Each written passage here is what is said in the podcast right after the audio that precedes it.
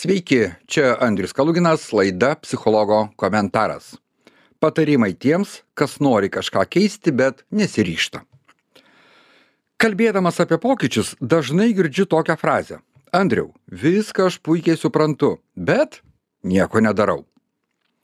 Ir tikrai, kitiems atrodo viskas labai paprasta. Jei reikia kažką keisti, tiesiog ėmi ir padarai. Kaip sakoma, yra toksai žodis reikia bet ne visiems tas tinka. Tiesą sakant apskritai keistis nėra lengva o be motyvacijos juo labiau. Taigi kodėl būna sunku ką nors pakeisti? Yra keturios dažniausios priežastys kodėl keistis yra sunku. Pirmoji. Bet kokie pokyčiai kelia stresą nes sunku atsisakyti pažįstamų dalykų.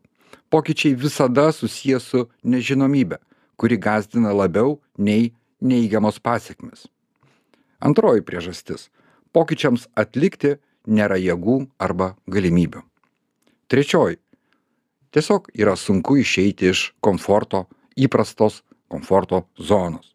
Ketvirtoji priežastis - pokyčiai asocijuojasi su draudimais, apribojimais ir kažko atsisakymu, kas tikrai nėra malonu.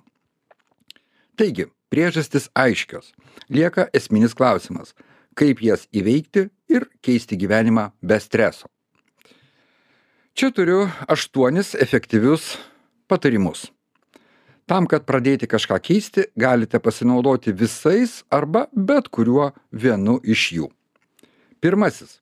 Pradėkite nuo pagrindų. Tai yra pakeliui į geresnę savęs versiją pasirūpinkite paprastais, bet esminiais dalykais.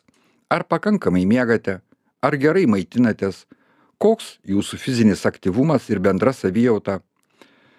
Jei tuo nepasirūpinsite, paprasčiausiai neturėsite ūpo kažkam daugiau. Antrasis. Nesigriepkite visko iš karto.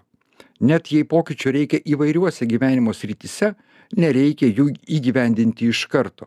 Pasirinkite vieną ar dvi sritis, nustatykite joms prioritetus ir pradėkite būtent nuo jų.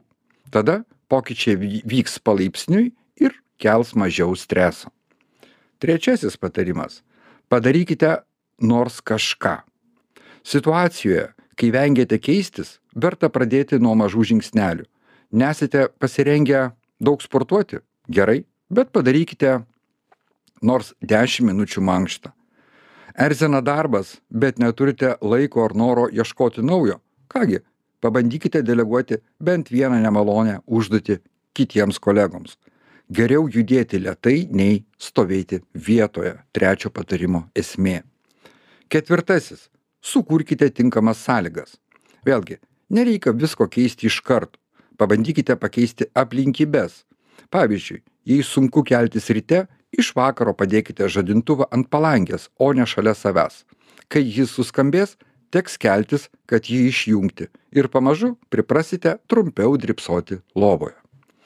Penktasis patarimas - suskaidykite didelius tikslus į mažesnius. Kai pasiekėme tikslą arba esame arti jo, gaminasi hormonas dopaminas. Dėka jo žmogus pajunta malonumą, kurį siekia pakartoti. Taip formuojasi motivacija.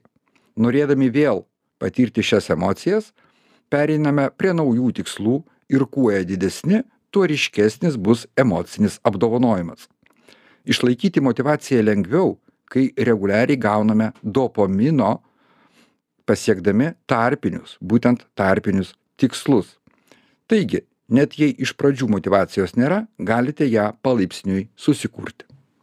Šeštasis.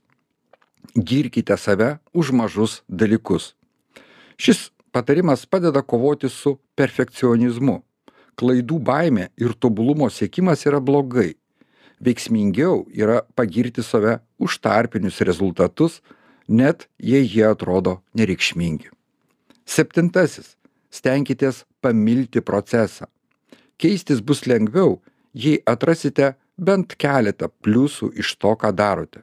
Pavyzdžiui, žiūrėkite į pokyčius kaip į žaidimą galite įsivaizduoti kad patenkate vis į naują gyvenimo lygį arba organizuokite varžybas su draugais kas moka daugiau angliškų žodžių kas per dieną nueis daugiau žingsnių ir panašiai tada procesas taps gerokai smagesnis. Ir aštuntasis. Paprašykite palaikymo. Galbūt jums trūksta pagirimų, sunku atsispirti pagundai, kai, ją pasid... kai jai pasiduoda draugai ar partneris, o gal tiesiog nesijaučiate suprastas, kai renkatės mankštą, o ne barą. Pasikalbėkite apie tai su artimaisiais. Paaiškinkite jiems, ką ir kodėl norite keisti savo gyvenime ir kai, kaip tai atsilieps santykiams. Štai tokie patarimai. Tam, kad pradėti kažką keisti, galite pasinaudoti visais arba bet kuriuo vienu iš jų. Čia buvo Andris Kaluginas, laida psichologo komentaras. Gražios ir lengvos jums dienos.